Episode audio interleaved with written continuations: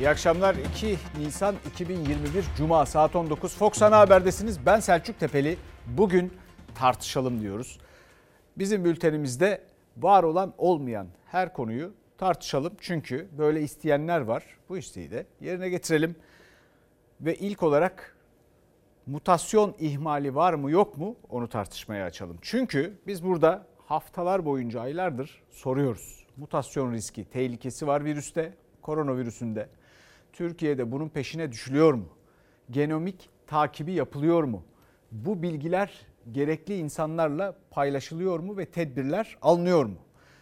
9 Şubat tarihli bir e, TÜBİTAK raporu var. Dünyaya İngilizce olarak dünyayla paylaşılmış. Orada Türkiye birim virüs başına mutasyon oranında ilk sırada görünüyor. Ta iki ay öncesinden bahsediyoruz neredeyse. Dolayısıyla bu konuda geç mi kalındı? Bir mutasyon ihmali mi var? Ağır hasta oranı %76 oranında ağır hasta sayısı arttı. 1 Mart'tan 1 Nisan'a. Vaka sayımız dörde katladı. Biz zaten şu anda kötü duruma geldik. Salgındaki bütün parametreler kötüye gidiyor. Şu anda bu durumdayız. Vaka sayısı 1 Mart'ta 10 binin altındaydı. Normalleşme adımlarıyla mutasyonun yayılmasıyla 1 Nisan'da en yüksek seviyesine çıktı. 40 bini aştı. Uzmanlarsa hem tedbirleri yetersiz buluyor hem de Sağlık Bakanlığı'nın detaylı veri açıklamadığını söylüyor. Belirsizlik döneminde izliyorlar. Oysa mutasyonun gidişatına göre önlem alınması şart. 25 Ekim'den bu yana Türkiye'de ne vakaların ne ölümlerin yaşları, cinsleri vesaireleri, bölgesel dağılımları açıklanmıyor. Bu açıdan da e, hani yeni bir belirsizlik dönemine hep beraber girdiğimizi söyleyebiliriz. Halk sağlığı uzmanı Cavit Işık Yavuz'a göre vaka sayılarının iki haftada iki katına çıkması mevcut tedbirlerin yetmediğinin kanıtı. Üstelik vaka sayısı çok daha fazla olabilir. Çünkü 19 bölgede kapanma uygulamasına rağmen Fransa'nın vaka sayısı bir günde iki katına çıktı. Benzer mutasyon şartlarında kapanma tedbiri almayan Türkiye'deki günlük artışlarsa sınırlı. Türkiye'de biz vaka başına düşen test miktarında aslında e, düşük sayılardayız. Dünya Sağlık Örgütü diyor ki sizin öyle bir test politikanız olmalı ki bir pozitif vakaya karşı 10 tane negatif bulabilecek sayıda test yapmalısınız. Yani bu vaka başına düşen test sayınız 10 olmalı. Bizim sayımız şu anda 7-8 aralığında. Yani daha fazla test yapılabilse vaka sayısı daha da yüksek çıkacak Yavuz'a göre. Ancak zaten mevcut tabloda yeni tedbirler için yeterli. Tek uygulanansa hafta sonu yasağı. O da Ramazan'a kadar kırmızıyla gösterilen çok yüksek riskli illerde cumartesi pazar uygulanıyor. Diğer illerde sadece pazar. Ramazan ayında ise 81 ilde devreye girecek. Uzmanlar Ramazan'ın beklenmemesini özellikle otobüs, tren ve toplu ulaşımda %50 kuralının ve seyahat kısıtlamasının geri gelmesi gerektiğini söylüyor. Bilim bize bunu söylüyor. Salgın eğer belli bir artışa geçtiyse ciddi toplumsal hareket kısıtlama önlemleri getirilmesi gerekir. Bu zamanlaması da çok önemli. Yani siz eğer vaktinde bu önlemleri alıp bu salgının hızını kesmezseniz bir süre sonra hangi önlemi alırsanız alın çok düşük düzeyde kontrol edebilirsiniz. Şimdi efendim açıklamalarda e, biliyorsunuz bu konularda pek çok şey söyleniyor. Son açıklamalarda özellikle de iktidara yakın yorumcuların dilinden düşmeyen standart cümlelerle söyledikleri adeta bir şey var. Aşılamada o kadar e, iyi bir noktadayız ki yani öyle demokratik bir e, imkan yaratmış durumdaki Türkiye seçenek var diyorlar. Şimdi seçenek denen şeyin iki seçenekten bir tanesinin birkaç hafta içinde bitecek olmasını düşünmüyor kimse. O arada bunu söyleyelim diye söylüyorlar elbette. Bittiği zaman seçenek kalmayacak. Kaldı ki o seçeneklerden bir tanesinin saklama koşulları yetersiz olduğu için her yere de ulaşmıyor. Ne demokrasi. Ve bir yandan da aşılama konusunda böyle henüz netice almadan, henüz meseleyi çözmeden fiyaka yapmaya başlandığı için ki Türkiye'deki önemli problemlerden biri budur siyasette. Hemen zafer kutlamaya başlarlar.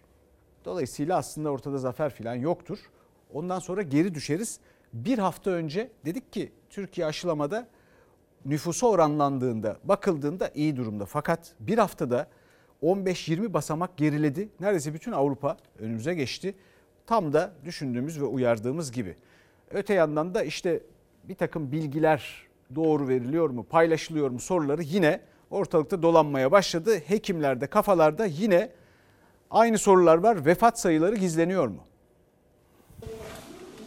Hekim arkadaşımız yoğun bakımda uzun süre kaldıktan sonra COVID-19 nedeniyle de e, vefat etti. Ancak ölüm belgesine COVID-19 yazılmadı. Bulaşıcı olmayan hastalık normal ölüm diye kayıtlara geçti. Genel cerrahi uzmanı Doktor Faruk Var 4 ay boyunca mücadele etti koronavirüsle. 30 Mart'ta hayatını kaybetti. Ölüm belgesinde vefat şekli bulaşıcı olmayan hastalık ve doğal ölüm olarak kayda geçti. Türk Tabipleri Birliği salgının hız kazandığı Kasım ve Aralık aylarında da iddia ettikleri gibi şimdi de vefat sayılarının belirli bir seviyede tutulmaya çalışıldığını öne sürdü. Vaka sayısı 40 bini geçmiş durumda. Hem vaka sayısında hem ölüm sayısında bir tutarsızlık var. Biz bunu defin rakamlarından görüyoruz. Bu son dönemlerde e, çoğu şehirde karşılaştığımız bir durum.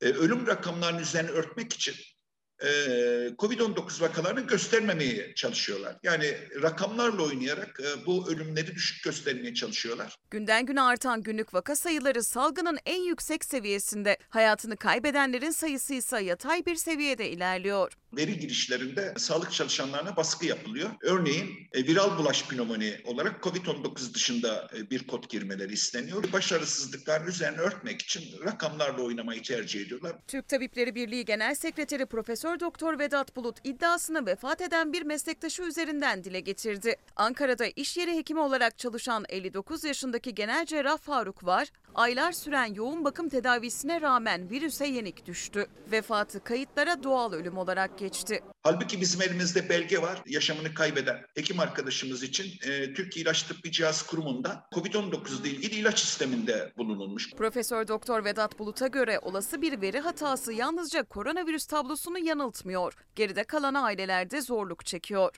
Şimdi aile acısıyla mı uğraşsın yoksa mahkemelerde bu illiyet bağını ispat etmek için bu dokümanları mahkemeye verip dava mı açsın e, haklarını alabilmek açısından.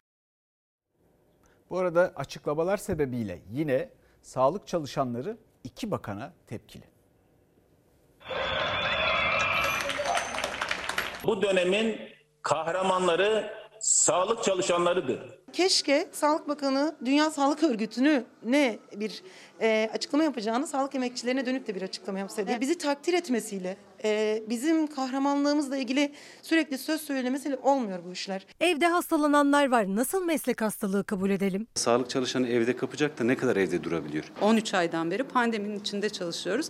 En kesin illiyet bağı budur. Sağlık çalışanları Sağlık Bakanı'na da Çalışma Bakanı'na da tepki gösterdi. Sağlık Bakanı Fahrettin Koca Dünya Sağlık Örgütü ile toplantısında 2021 yılının sağlık çalışanları yılı olduğunu hatırlattı. Sağlıkçılardan kahraman diye söz etti. Ancak o kahramanlar bir yıldan uzun süredir ek ödeme mücadelesi veriyor. Üstelik hayatlarını kaybettiklerinde geri kalanlara maaş bağlanabilmesi için acılı ailelerinden hala illiyet bağı kanıtı isteniyor. Böyle bir bağ aranması oldukça üzücü ve kırıcı oldu sağlık çalışanları açısından. Oradaki senin yaşadığın yorgunluğu, riski görmemezlik demek bu. Yani sen e, hastanede her şeye maruz kalıyorsun ama gidip mikrobu evde ya da gezerken aldığını söylemek sağlık çalışanlarını yaralıyor gerçekten. Koronavirüs sağlık çalışanları için meslek hastalığı sayılmıyor. Çalışma Bakanı Zehra Zümrüt Selçuk gerekçesini açıklarken evde hastalananlar var. Nasıl meslek hastalığı kabul edelim diye sordu. Sağlıkçılardan istifa çağrısı geldi. Bakan Selçuk, Covid-19 nedeniyle hayatını kaybeden sağlık çalışanlarının ailelerinden özür dilemeye ve istifa etmeye çağırıyoruz. Sayın Bakanı bir an önce bu tutumundan vazgeçmeye, illiyet bağı arama konusunda gerekli çabayı göstermeyecekse bir an önce istifa etmesini istiyoruz. 2021'in bir günü değil, 2021 yılı sağlık çalışanlarına adanmıştır. Sağlık Bakanı Fahrettin Koca da 365 günü adadığı sağlık çalışanlarından sesimiz duyulmuyor tepkisi aldı. Özellikle bakanın sözünü verdiği ek ödemelerde hala adalet sağlanamadığını söylediler. Sağlık personeli pandemide kimsenin yaklaşamadığı yerde 100 lira, 50 lira bazı aylar hiç verilmedi. Yani bunu vermek hakarettir normalde. Sosyal haklarımız, maaşlarımız, çalışma saatlerimiz, e, insanca yaşanabilecek bir maaş, tek maaş üzerinden ödenmesi gerekiyor. Biz o zaman bu övgünün karşılığının olduğunu düşünüyoruz. Eylemsiz övgü bize göre değil. Bu hafta mecliste ilginç bir olay yaşandı biliyorsunuz ve bir kanun teklifi AK Parti'nin bir kanun teklifi muhalefetin oylarıyla reddedilmişti. Sonra bir tekrar oylama e, imkanı yaratıldı, üretildi bir biçimde. Bununla ilgili de muhalefetin yoğun eleştirileri vardı. Meclis Başkanı Şentop meclise darbe iddiası cahilce dedi. Tezkere kabul edilmiştir. Birleşimi kapatıyorum. Bir zorbanın talebi Türkiye Büyük Millet Meclisi'nin iradesine gölge düşürdü. Meclis Başkanı'nın bu yönetim sırasında bazı iç düzeye aykırı, hukuka aykırı işleyişler görmesi halinde buna müdahale etmesi bir yetki hatta bir görevdir. Kuraldır, kaidedir, kanundur, hukuktur, adalettir. Sürekli olarak bu normlar ortadan kaldırılıyor.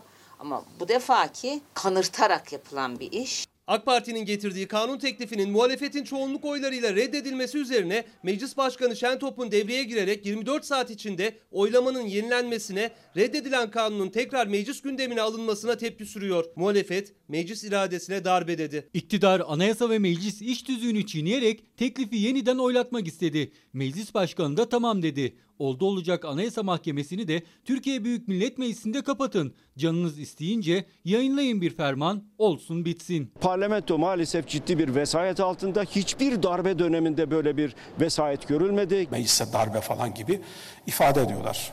Bunların bütünüyle bir cehalet mahsulü değerlendirmeler olduğunu ifade etmek isterim. Darbe sadece tankla, tüfekle, uçakla olmaz. İtaatkar sözde hukukçular eliyle de yapılır. Bunların bütün sebepleri kendilerini emin hissetmiyorlar artık. Yani gidicilik görüldü, hatta görüldü. Onun için şöyle tırnak geçirip tutunma hali. Kabul etmeyenler evet kabul edilmemiştir. AK Parti daha önce Anayasa Mahkemesi'nin iptal ettiği güvenlik soruşturması ve arşiv araştırması kanun teklifini bir kez daha genel kurula getirdi. Oylama sırasındaysa AK Partili milletvekilleri genel kurul salonunda değildi. İlk kez iktidarın teklifi muhalefetin çoğunluğuyla reddedildi. Elektronik oylama yapılmadığı itirazları üzerine Meclis Başkanı Başkanlık Divanı'nı topladı. Oylamanın yenilenmesi kararı alındı. Meclis Başkanı geldi koşa koşa. Boncuk boncuk derlemiş. Kendisine bir konuşurken aynaya bakmasını öneriyorum. Pişman ederim. İş tüzüğün öngördüğü kurallar çiğneniyor. Türkiye Büyük Millet Meclisi'ne sabotaj yapılıyor. Kurallar çiğnendikten sonra saraydan gelen talimat üzerine işlem yapılıyor. Kabul edilmemiştir hadi ben gidiyorum derseniz o milletvekillerinin itirazına imkan vermemiş olursunuz. Bu ben yerimde kalmak için birçok şeyi göze alabilirim demek ama sonuçta İstanbul seçimleri şekil bir ah. Bu millet bu iradesine şöyle dokunulduğu zaman bunun cevabını veren bir millettir. Göreceğiz bakın sandıkta. Meclis Başkanı Şentop, oturumu yöneten Meclis Başkan Vekilinin itirazları dikkate almadığını söylüyor. Muhalefet ise talimatla oylama yenilendi diyor. Efendim Meclis Başkanımız Sayın, Sayın Şentop e, bir süredir gündemin merkezinde. En ön sıralarda. Biliyorsunuz e, bu İstanbul Sözleşmesi'nin iptaliyle ilgili tartışmalardan Montreux'un iptaline yürümüştü bütün bu gündem. Ve o sırada da kendisi e, Marmara Denizi'nden yeterince yoğurt bulunursa ayran olur mu olmaz mı gibi bir hukuk tekniği gündeme getirerek yepyeni bir tartışma başlatmıştı. Şimdi önümüzdeki hafta salı günü bu ertelenen ya da işte iptal edilen sonra tekrar gündeme alınacak olan, tekrarı yapılacak olan kanun teklifinin görüşmesi var. Oylanacak tekrar. Ben de bu yoğurttu, ayrandı, hukuk tekniğiydi. O güne bırakıyorum şimdi bu konuyu. Çünkü başka ilginç gündem maddeleri var. Onları kaçırmayayım diye. Anayasa Mahkemesi'nin kapatılması meselesi. Milliyetçi Hareket Partisi Genel Başkanı Sayın Bahçeli Anayasa Mahkemesi kapatılsın demişti. Ve bununla ilgili muhalefetinde tepkileri vardı. Kılıçdaroğlu'nun tepkisi örneğin Cumhuriyet Halk Partisi Genel Başkanı Sayın Kılıçdaroğlu da AYM'yi korumak görevimiz dedi. Anayasa Mahkemesi'ni eleştirebiliriz, kararlarını eleştirebiliriz. Ee, Anayasa Mahkemesi'ne yapılan atamaları eleştirebiliriz ama kurum olarak Anayasa Mahkemesi'nin korunması çok önemli. HDP'nin kapatılması kadar Anayasa Mahkemesi'nin de kapanması artık ertelenemez bir hedef olmalıdır. Kıymeti kendinden menkul Sayın Bahçeli Anayasa Mahkemesi'nin kapanmasını istiyormuş. Yargıya verdiği yetkiyi de gasp edelim diyor. Siyaset Bahçeli'nin HDP iddianamesini usul eksiklikleri nedeniyle iade eden Anayasa Mahkemesi kapatılmalı sözlerini konuşuyor. Ya bu Anayasa Mahkemesi de amma ileri gitti. Kapatın bunu gitsin. Böyle bir memlekette adaletten söz edilebilir mi? Adalet diye bir derdi olmayan insandan adalet beklenir mi? Anayasa Mahkemesi derhal kendisini feshetsin. Anayasa Mahkemesi'ni kapatalım demek demokrasiye inanmamak anlamına gelir. Ben kendisinin yakın arkadaşının kız kardeşi olarak kendisini evine dönmeye davet ediyorum. Çok yorgun olduğunu anladım. İyi Parti lideri Meral Akşener Anayasa Mahkemesi kapatılmalı diyen Bahçeli'ye siyaseti bırakma çağrısı yapmıştı. Yoruldu diyerek. MHP lideri o sözlere henüz yanıt vermedi. AYM kapatılmalı çağrısı hakkında Cumhurbaşkanı da konuşmadı henüz kurmayları da. Anayasa Mahkemesi'ni kapattık.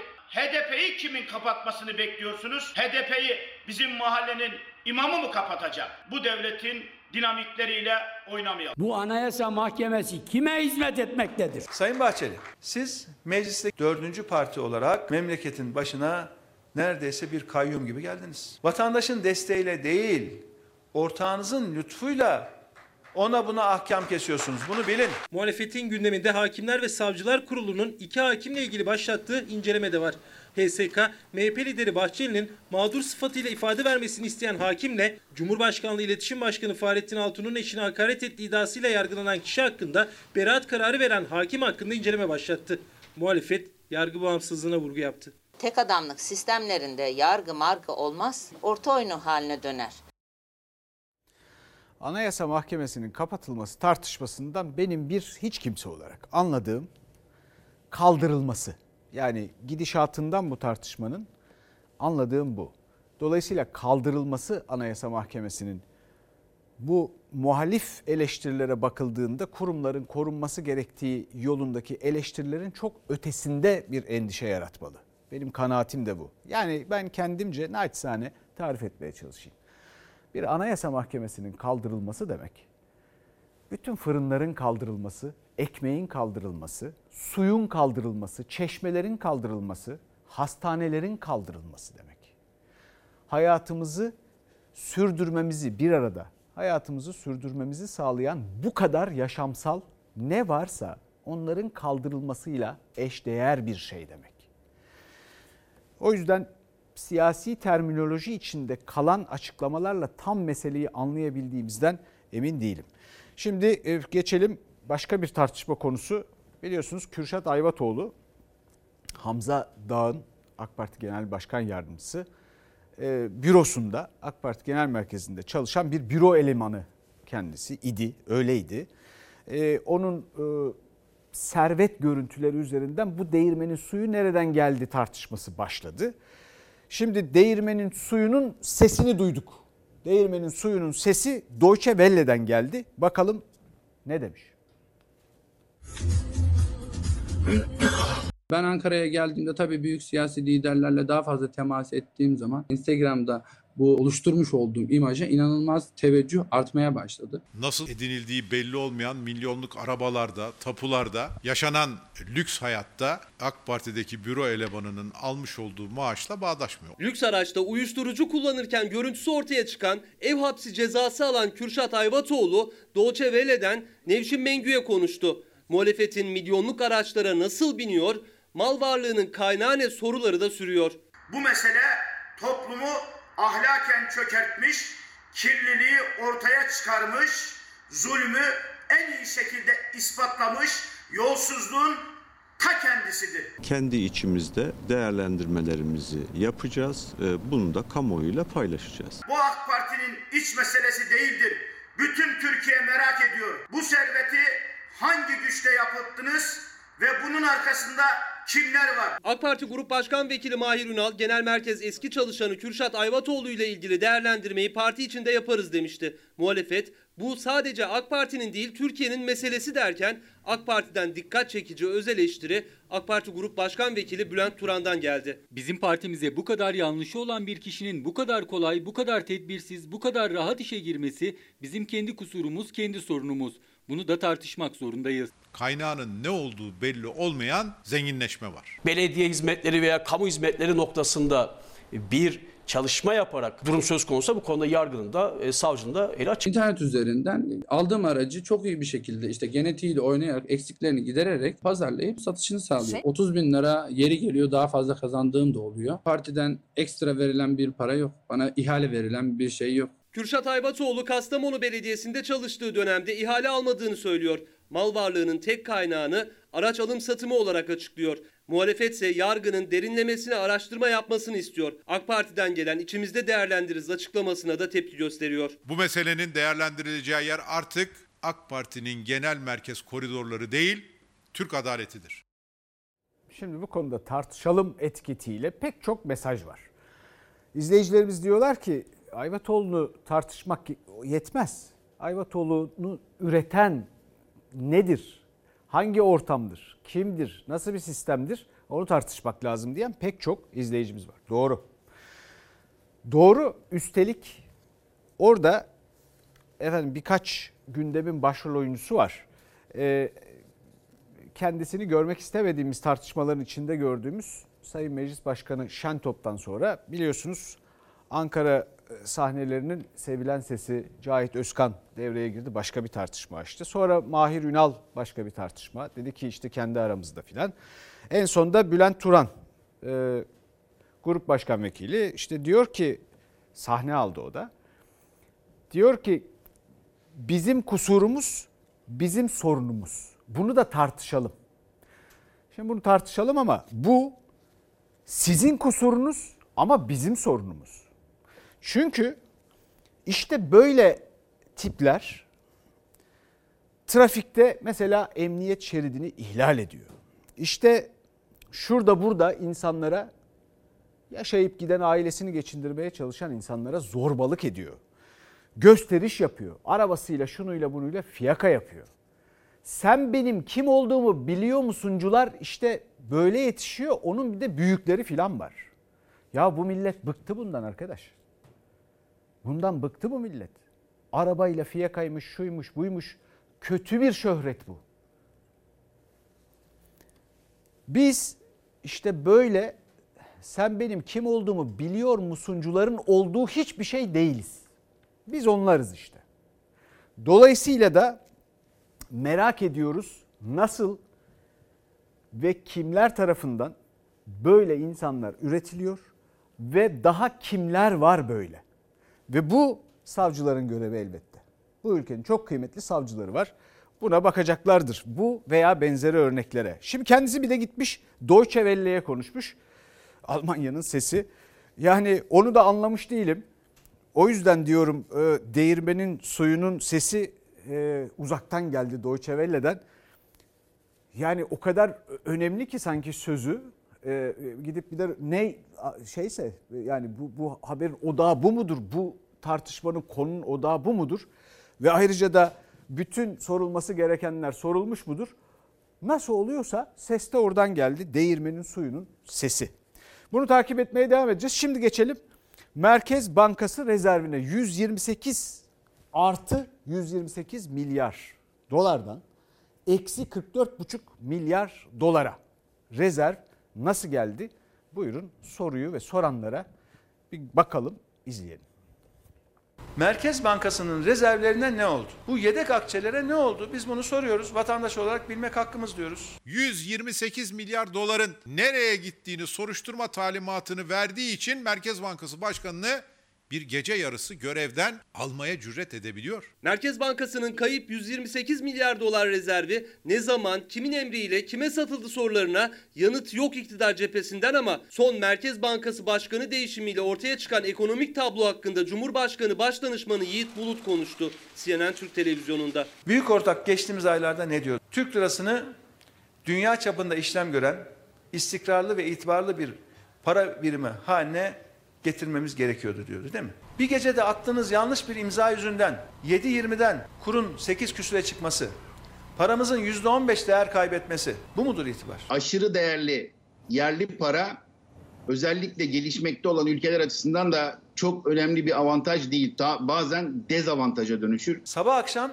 yerlilikten, millilikten bahsediyor. Milliyetçilik paramızı pul etmek değildir. Cumhurbaşkanı Başdanışmanı Yiğit Bulut, Türk lirasının aşırı değerli olması Türkiye'nin yararına değil diyerek savundu. Merkez Bankası Başkanı değişimi sonrası artan döviz kurunu. Muhalefet ise vatandaşın omzuna binen yükü hatırlatıyor. Özel sektörün ve kamunun maliyeti 531 milyar lira ediyor. Bu dalgalanmanın artık bugün itibariyle iyice söndüğünü görüyoruz. Piyasalar Merkez Bankası Başkanı'nı sevdi. 26 Mart'ta itibariyle Merkez Bankası kasasında kendine ait tek sent döviz rezervi kalmamış.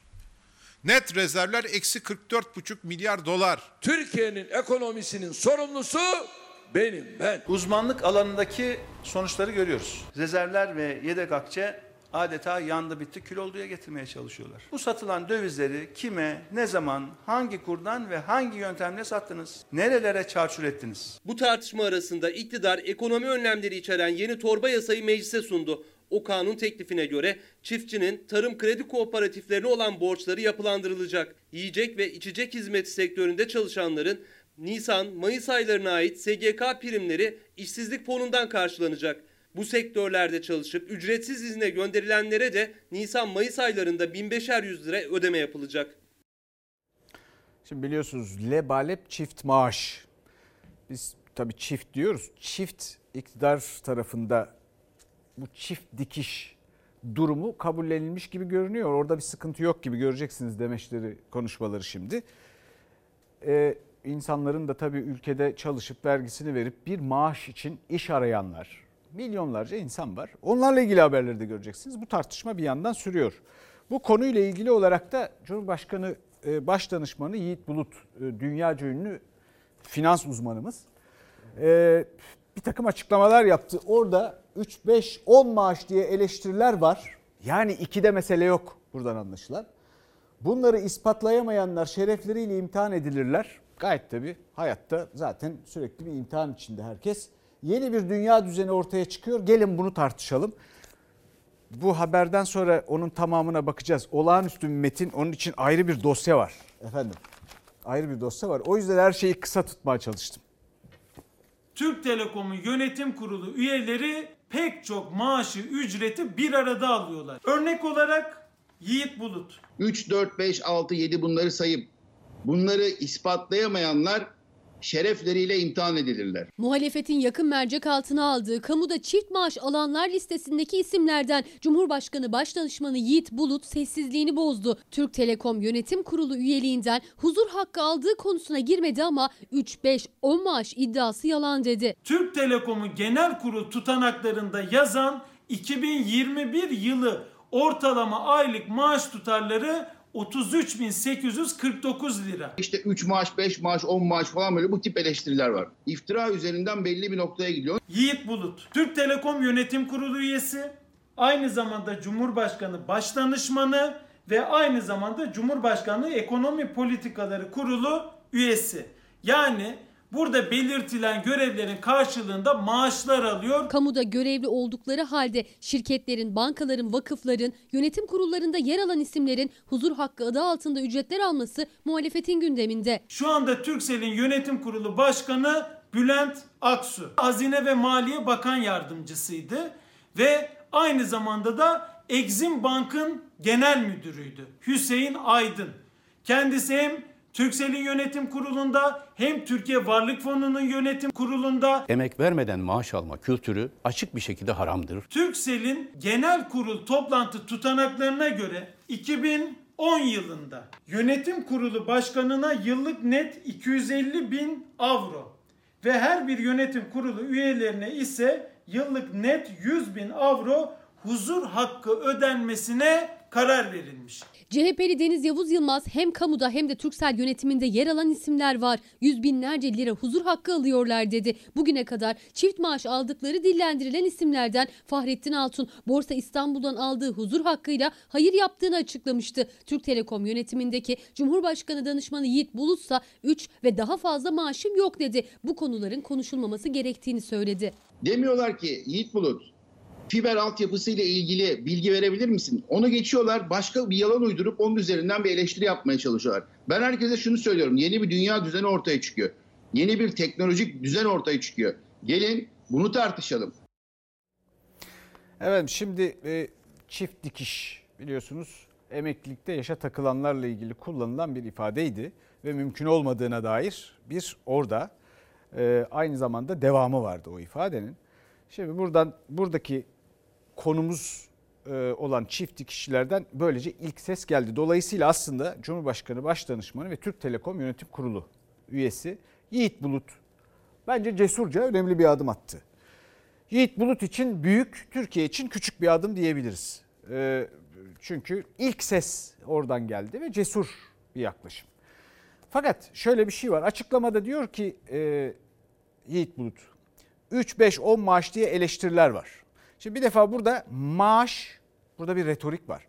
Maaş değil de huzur hakkı ya da şu ya da bu isimlerle birden fazla e, düzenli geliri olup olmadığını bu maaş ifadesi anlatmıyor. Dediğim gibi 3-5-10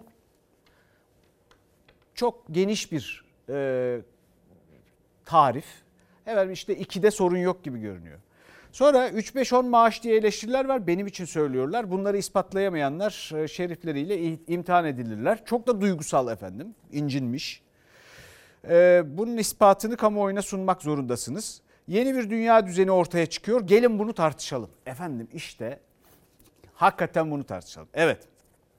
Şimdi yeni dünya düzenini tartışalım ama o yeni dünya düzenini yaratan, üreten, onu oluşturanlar o ülkelerde böyle bu şekilde birden fazla yerden düzenli geliri olanlar, performans gösteremeyenler ki çünkü ülkenin ekonomisinin performansı ortada çalıştırılmaz. Çalıştırılmaz. İşsizliği önlemek için insanların çalışma saatlerini kısaltıp başkalarına istihdam sağlamaya çalışan ülkelerden bahsediyoruz. Buradaysa birçok farklı işte aynı insanlar çalışıyor ama ne ürettikleri belli değil. Efendim şimdi e, bir yandan da e, bu e, Amerika Birleşik Devletleri bugün Google bir e, Google Amerika Birleşik Devletleri'nde bugün bugün Google Birleşmiş Milletler'den de NATO'dan da daha güçlüdür diye tartışılıyor. Bunları artık geçelim ve dünya düzeninde neyin nasıl şekillendiğini görmemiz çok önemli. Mesela konuşalım yeni dünya düzeni. Yeni dünya düzeni denen şey de efendim öyle noktalar tartışılıyor. Evet hakikaten onu tartışalım. Keşke onu tartışan o düzenin içinde onu üreten Türk insanları da var. Onlar bu ülkede yer bulabilselerdi, beyin göçüyle gitmeselerdi, onlara istihdam sağlansaydı da onlarla bu tartışılabilseydi. Ama olmuyor. Olmuyor. Mesela artık siyasi demokrasiden gündelik demokrasiye nasıl geçilir onu tartışıyor dünya. Efendim anonimliğin belirsizliği içinde kaybolma özgürlüğünün ortadan kalkmasının nasıl bir güvenlik sorunu yarattığı tartışılıyor. Mesela teknoloji katmanları içinde dijital dünyada e, e, işte bir takım paradigmaların nasıl oluştuğu konuşuluyor filan bir sürü şey. Bunları konuşmak lazım ama bunlara vakit kalmıyor. Neden bunu tartışamıyoruz? Tam da bu yüzden sizin yüzünüzden işte. Mesela Türkiye'yi getirdikleri nokta NATO'nun tek demir perde ülkesi olmaktan demir perdenin tek NATO üyesi, e, tek NATO ülkesi olması durumudur. Getirdikleri durum budur. Yeni dünya düzeninde Türkiye garip bir biçimde olduğu yerde sayıyor. Bütün bu metin oksimoron gibi. Yani oksimoron birbiriyle çelişen ya da tamamıyla zıt kavramların e, bir arada kullanılması. Tam da öyle bir şey. Bunları tartışalım. Evet keşke öyle bir fırsat olsa. Efendim şimdi eh, devam edelim. Yoksulluğa geçelim. Bakın ülkenin tartışması gereken başka neler var? Övünülen bir artış var. Bunu bakanlık, aile e, çalışma ve sosyal hizmetler bakanlığı açıkladı. 3 milyon 282 bin hane 2019'da sosyal yardımlarla geçiniyor. 6 milyon 630 bin olmuş hane 2020 yılında bu artışla övünülmez. Bunları çöpten bulduk patatesleri. Patatesleri evet. Bir buzdolabım var.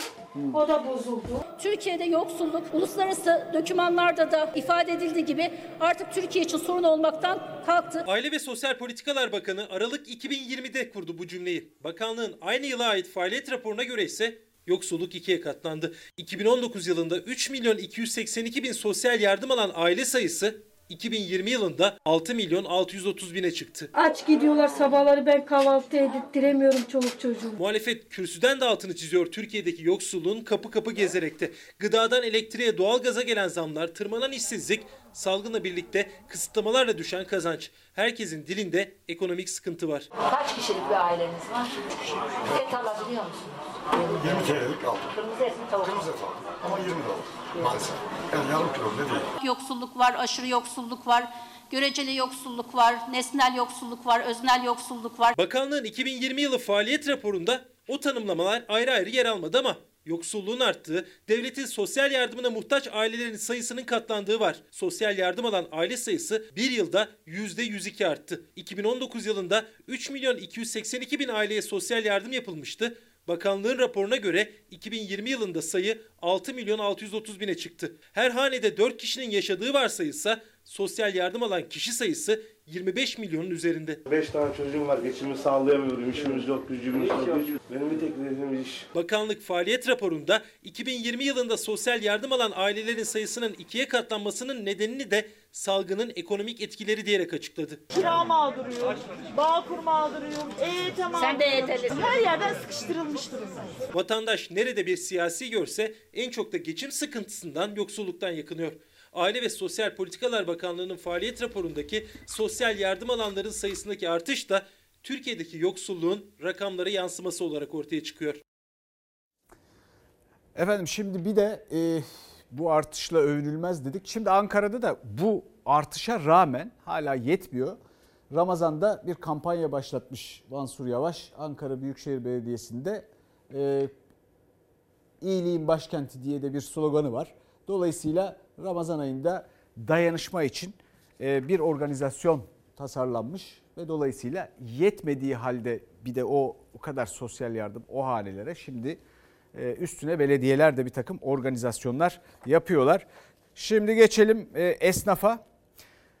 Düğün salonu esnafı düğün ve cenaze gibi düğün salonu esnafı tabutla eylem yaptı. İşletmesini ayakta tutamayan, işletmesini kapatmak zorunda kalan arkadaşlarımızın salonların isminin olduğu bir tabut. Bir belimize böyle bir aya doğurtuyorduk tak başımıza indi. Buna da razıyız diyoruz yeter ki adalet olsun. Bütün kafelere, lokantalara kesiyorlar. Levalep kongreler dolu. Ama bize hiç kimse gelip demiyor ki sen nasıl ayakta duruyor? Evimi sattım, arabamı sattım. Salgın döneminde düğün salonlarını kapatan işletmecilerin isimlerini tabutun üstüne yazdılar. Kısıtlama olsun ama bize de destek verilsin dediler. Sadece onlar değil. Çok yüksek riskli 58 ilde restoran ve kafelerde uzun süre aradan sonra hafta sonu müşteriye kapanıyor. Paket servis şansı olanların geliri yine düşecek. Olmayanlarsa iki gün boyunca kapısına kilit vuracak. Kısıtlama gelmesini yine anlıyoruz. Gelsin. Bir ay her yeri kapatsın. Şimdi metrobüse binecek insan dolu dolu gidecek. Ya şu açık alanda 2 metre arayla buna mı bu? Kapanmaya razıyız. Ama komple kapanmaya razıyız. Normalde haftanın 5 günü iş olmaz. Cumartesi günü iş olur. Hafta sonu iş olur. Dolayısıyla cumartesi günü de iş olmayınca bizler de çok sıkıntı çekiyoruz. Hafta içi çalışma saatleri zaten kısalmıştı esnafın. Şimdi bir de cumartesi kısıtlaması eklendi. Esnaf içinse cumartesi çok önemli. Çünkü birçok işletme hafta içinden çok daha fazla iş yapabiliyor. Şimdi sokağa çıkma kısıtlamasında birçok işletme dükkanını açamayacak. Dükkan açabilenlerse müşteri ağırlayamayacağı için gelir kaybı yaşayacak. Maalesef açamayacağız çünkü paket servisi kurtarmıyor. Elemanlar çok, gider çok. Yaklaşık 15 tane elemanımız falan vardı. Şu an 8 kişi kaldık ve bunlardan da bir iki kişi eksilecek gibi görünüyor. Çünkü dönmüyor, iş olmuyor. Şimdi şurada bir kız çalışıyor. Şu kızı işten çıkardık, tekrar geri aldık. Bir hafta çalışmadan tekrar işi bırak diyoruz ona. Bu hangi vicdana sığar? Mecburen yani işler düştüğü için mecburen tabii kısa çalışma ve iz- ücretsiz izne çıkarttığımız arkadaşlarımız var. Düğün salonlarına yaz pastalarını veriyoruz. Bir yıldır bizim iş yerlerimiz kapalı. 15 tane çalışan elemanımız var. Elemanlarımıza kısa çalışma ödeneğinden yararlandırar. Kısa çalışma ödeneği de bitti. Çoğu çalışan artık evinde. Kısıtlamalardan en çok etkilenen sektörlerden bir diğeri ise düğün sektörü. Normalleşme adımlarıyla birlikte sınırlı kişiyle sınırlı sürede izin var düğünlere ama zaten çoğu son bir yılda battı. Bu hafta sonu için organize edilen düğünlere izin var. Sonrası belirsiz. Düğün tutanlar şimdi ne yapacaklar? Hafta sonu sokağa çıkmak yasak. Metrobüste, AVM'de, pazarda hayat nasıl devam ediyor ise en disiplinli ve kural kurallara en uygun şekilde gelin damatlarımızın yuvalarını kurma fırsatını bize verilmesini istiyoruz. Herkesin ağzında günah keçisi olarak düğün salonuna gö- gösteriliyor. Yiğit Bulut birkaç haber önce biliyorsunuz Türk lirasının çok değerli olmaması aslında iyi bir şey e, diyordu. Niye? E, ucuz iş gücü, efendim yatırım yapılabilir bir ülke olsun falan filan. Ya bunlar çok eski, çok klişe yeni dünya düzeni kurulurken böyle eski eski moda uyanıklıklarla bu iş olmuyor artık. Katma değerli şey üretmen lazım. E, üçüncü dünya ülkeleri bile bizi ucuz bulduğu için iş gücünü gelip burada yatırım yapıyorlar filan. Biz de bununla övünüyoruz. Şimdi geçelim atanmayan öğretmenlere. Onlar da bugün seslerini duyurmaya çalıştı.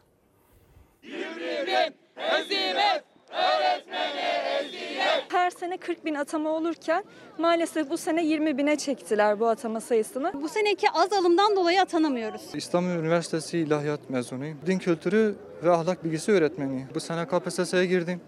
Yüksek bir puan aldım. Şu an geçinimi daha çok inşaatta çalışarak sağlıyorum. Ne iş yapıyorsunuz inşaatta? Ee, inşaatta ben düz işçiyim. Ortalıktaki işleri yapıyorum. Mezun olduğu üniversitenin önünde sesini duyurmaya çalıştı ataması yapılmayan Ömer Boz. Sınıfta öğrencileriyle olmayı hayal ederken inşaatta çalışıyor. Yüz binlerce meslektaşı gibi atanmayı bekliyor. Ben 18 yıl okudum. Bütün hayatımı okuma, okumaya verdim. 20 bin atama bize tokat gibi geldi.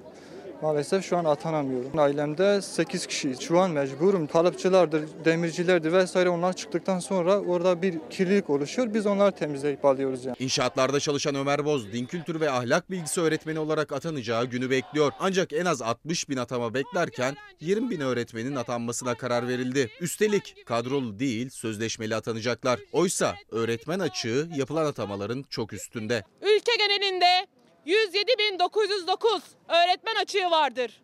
Ve ayrıca okullarda 80.583 kişi ücretli öğretmen olarak çalışmaktadır. Onlar atanamayan öğretmenler atanamadıkları süreç içinde ücretli öğretmenlik yapma şansları var ama birçoğu bunu istemiyor. Çünkü kazandıkları ücret askeri ücreti bile bulmuyor. O yüzden çoğu başka sektörlere bakıyor ama iş bulmaları orada da çok zor. Şimdiye kadar aldığım en büyük ücret 2000 liraydı. Geçen ay 1200, 1500. Bazen 1000 liradan az 800. Bu arkadaşların yeri bir tekstil atölyesi, bir restoran mutfağı değil. Kadrolu öğretmenlerin sayısı yerinde sayarken ücretli öğretmenlerin sayısı artıyor. Güvenceleri yok. Maaşları aynı işi yapan kadrolu meslektaşlarının üçte biri kadar. Aslında onlar da atanmayı bekliyor. Hiçbir hakkımız yok. Sigortamız ödenmiyor. Ee, yarı yarıya ödeniyor. Kadrolu geldiğinde yılın ortasında işten çıkarılabiliyoruz. İstanbul Beyazıt Meydanı'nda toplanan öğretmenler atanabilmek için bir kez daha seslendi yetkililere. Eğitimden tasarruf olmaz dediler. Eğitimden tasarruf yaptılar ve yüzler, yüz binlerce açık varken ücretli öğretmenle bu açığı kapatmaya çalışıyorlar. Evet şimdi bir iki tane e, izleyicilerimizden gelen mesaj okumamı müsaade edin lütfen. E, ülkeyi şirket gibi yönetenler bunu tartışalım maalesef bu nedenle iflas ettirdiler diyor bir izleyicimiz. Bir başka izleyicimiz e, yeni dünya düzeninde düzensizlik mi var tartışalım demiş. E, yeni dünya düzeni döneceğiz ona önümüzdeki günlerde bakacağız efendim. Şimdi bugün 2 Nisan Dünya Otizm Farkındalık Günü. Bunun için de e, bir haber hazırladık. Dikkatle izleyin lütfen. Can. Oley. Peki hangisinde kedi yok?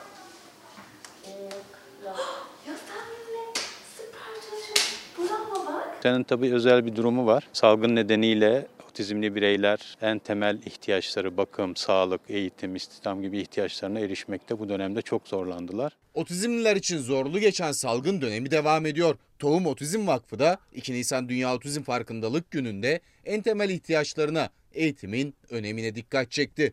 Salgın ilk çıktığı zaman okulumuzu kapatmak zorunda kaldık ama Haziran'dan itibaren okul açıldı. Temel amacımız otizmli çocuklara ve ailelerine verdiğimiz desteği kesintiye uğratmamak oldu. Kaybedecek bir saat bir gün yok. Biz aslında çok erken fark ettik ama tanı almamız çok uzun sürdü. Anne demesi için bile ben 6 yıl bekledim. Ayşe Karınca otizmli oğlunun anne demesini yıllarca bekledi. Çünkü tanı konulamadı. Eğitimine başlanamadı. Eğer çocuk erken yaşlarda tanı alırsa ve kendisine özel geliştirilmiş özel eğitim programına dahil olursa çocuk çok büyük ihtimalle ileride yaşıtları gibi bağımsız ayakları üstünde duran e, bir birey olabiliyor. İlk başladığımızda oğlum çocuk beziyle gelmişti 6 yaşında konuşmuyordu. 2 ay sonra konuşmaya başladık. 6 ay olmadan da cümle kuruyordu. Şimdi gelip bana sarılıyor. Seni seviyorum anneciğim diyor. Tohum Otizm Vakfı Genel Müdürü Suat Kardaş erken tanı için aileleri uyardı. Vakıf otizme mavi ışık yak kampanyasıyla farkındalığın artmasını hedefliyor. Çocuklar konuşmada gerilik yaşıyorsa, takıntılı davranışlar gösteriyorlarsa, isimleri söylendikle, söylendiğinde dönüp bakmıyorlarsa, yaşıtlarıyla oynamıyorlarsa öyle bir durumda çocuklarının erken tanı alması için fırsatı kaçırmasınlar.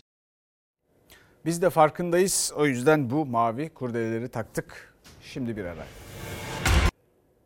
Sağlıkta bir kötü bir iyi haber. Önce kötü haberi verelim. Vaka sayısı bugünün tablosunda Covid-19 tablosunda 42.308. Bu yeni bir rekor. Vefat sayımız da artmış. Efendim inşallah e, bunun önüne geçilir. İyi haberse kulak, burun, boğaz, baş, boyun cerrahisi derneği.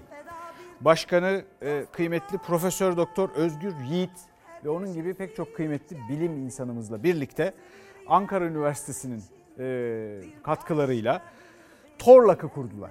Açtılar bugün Ankara Gölbaşı'nda Teknokent'te anatomi ve uzaktan eğitim laboratuvarı bu. Cerrahi konusunda yeni hekimler yetişmesi, cerrahlar yetişmesi için son derece önemli. Ee, Profesör Doktor Özgür Yiğit'e ve bu konuda emeği geçen herkese çok teşekkürler diyelim. Bizden sonra son yaz var. Hafta sonu Gülbin Tosun'a kolay gelsin diyelim ve hoşçakalın diyelim. Yunus'un Emrah'a Bütün alem kurban benim yurduma. Lay lay lay lay lay